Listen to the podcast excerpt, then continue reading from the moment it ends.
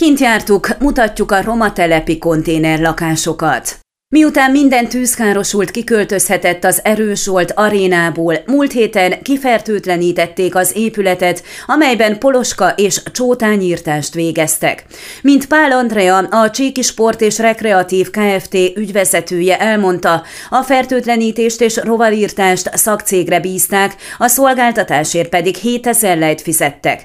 Ugyanakkor, amennyiben szükségessé válik, megismétlik a műveletet. Jelenleg a sportcsarnokban a kisebb javításokat végzik saját alkalmazottakkal. Kifestenek, takarítanak, kicserélik az egyik bejárati ajtó betörött üvegét, a zuhanyzókban pótolják a hiányzó tusolófejeket, és ehhez hasonló beavatkozásokat végeznek. Azt tudni kell, hogy az alatt sem állt le az élet a létesítményben, amíg a tűzkárosultak itt laktak, addig is használták, bérbevették a sportpályát és az asztali tenisztermeket. Ebben a hónapban is végigfoglaltak a termek, magyarázta az ügyvezető, Hozzátéve leginkább a nagyobb szabású rendezvényekre volt hatással, hogy egy öltözőt vagy mostóhelyiséget foglaltak a bentlakók. A folyamatban lévő javításokat és a takarítást az év vége előtt befejezik, hogy tisztább környezetben fogadják a sportolókat. Már minden érintett család átköltözött a Csíksomjói Roma telep közvetlen szomszédságába felállított lakókonténerekbe, ezért a helyszínre látogattunk. Az első szembeötlő probléma a sártenger volt, amelyel a helyszínen szembesültünk. A férfiak egy része a gödrök feltöltésén dolgozott, miután az önkormányzat biztosított kavicsos törmeléket.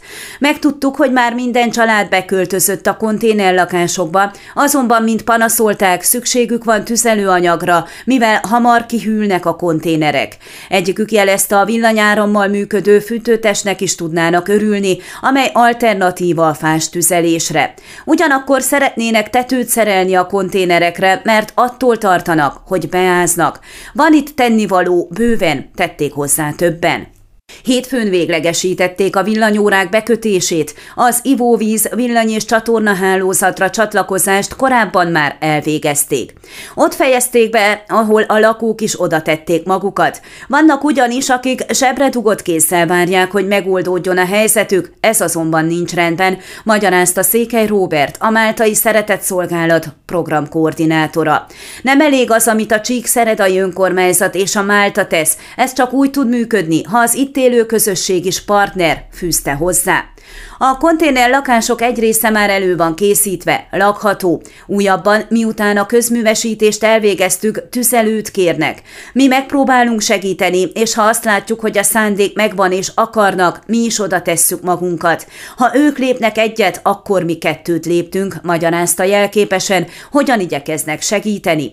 A konténerekhez fából készült lépcsőket is biztosítanak, nem sokára kihelyezik azokat. Hozzátette, most következik a bérleti szerződések megkötése, mivel a konténerlakások a civil szervezet tulajdonát képezik. Fél évig nem kérünk bérleti díjat, egyrészt mert jön a téli időszak, másrészt ők is sok pénzt fektettek a költözésbe, ráadásul festéket, bútort vásároltak. Azonban fél év múlva kiértékelünk minden családot külön, megnézzük jár a gyermekük iskolába, van-e munkahelyük a szülőknek, sorolta. Kiemelte, hogy a közös közösség életét követni fogják, sok programot szerveznek. Szeretnénk, ha kialakulna egy bizalom a máltai szeretett szolgálat és közöttük. El kell fogadniuk, hogy az életkörülményeiket ők tudják megteremteni. Mi segítünk akár munkahelyet is keresni, de sok mindent saját maguknak kell megtenniük, mutatott rá Székely. Ön a Székelyhon aktuális podcastjét hallgatta. Amennyiben nem akar lemaradni a régió életéről a jövőben sem, akkor iratkozzon fel a csatornára, vagy keresse podcast műsorainkat a székelyhon.pro portálon.